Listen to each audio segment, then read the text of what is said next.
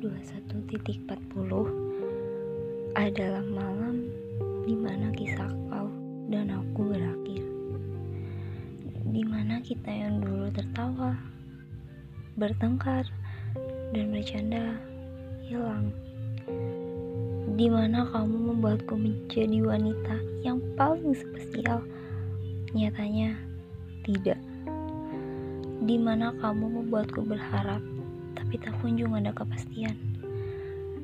Di mana kamu bernyanyi sambil memainkan gitar dengan suara berat khasmu dan menyanyikan lagu romantis kepadaku. Tapi nyatanya kamu hanya melampiaskan hobimu. Di mana kamu membuatku tersenyum malu karena kata-kata manismu, tapi nyatanya kamu hanya bercanda.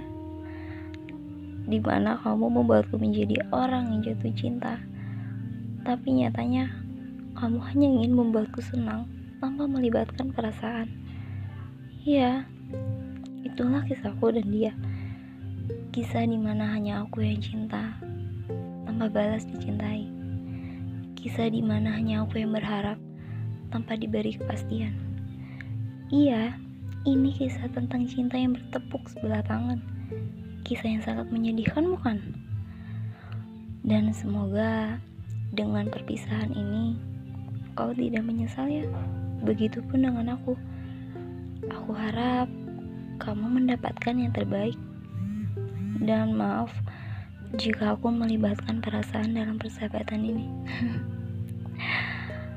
aku tidak yakin jika ini adalah sebuah kisah persahabatan. Apakah ada persahabatan yang melibatkan perasaan?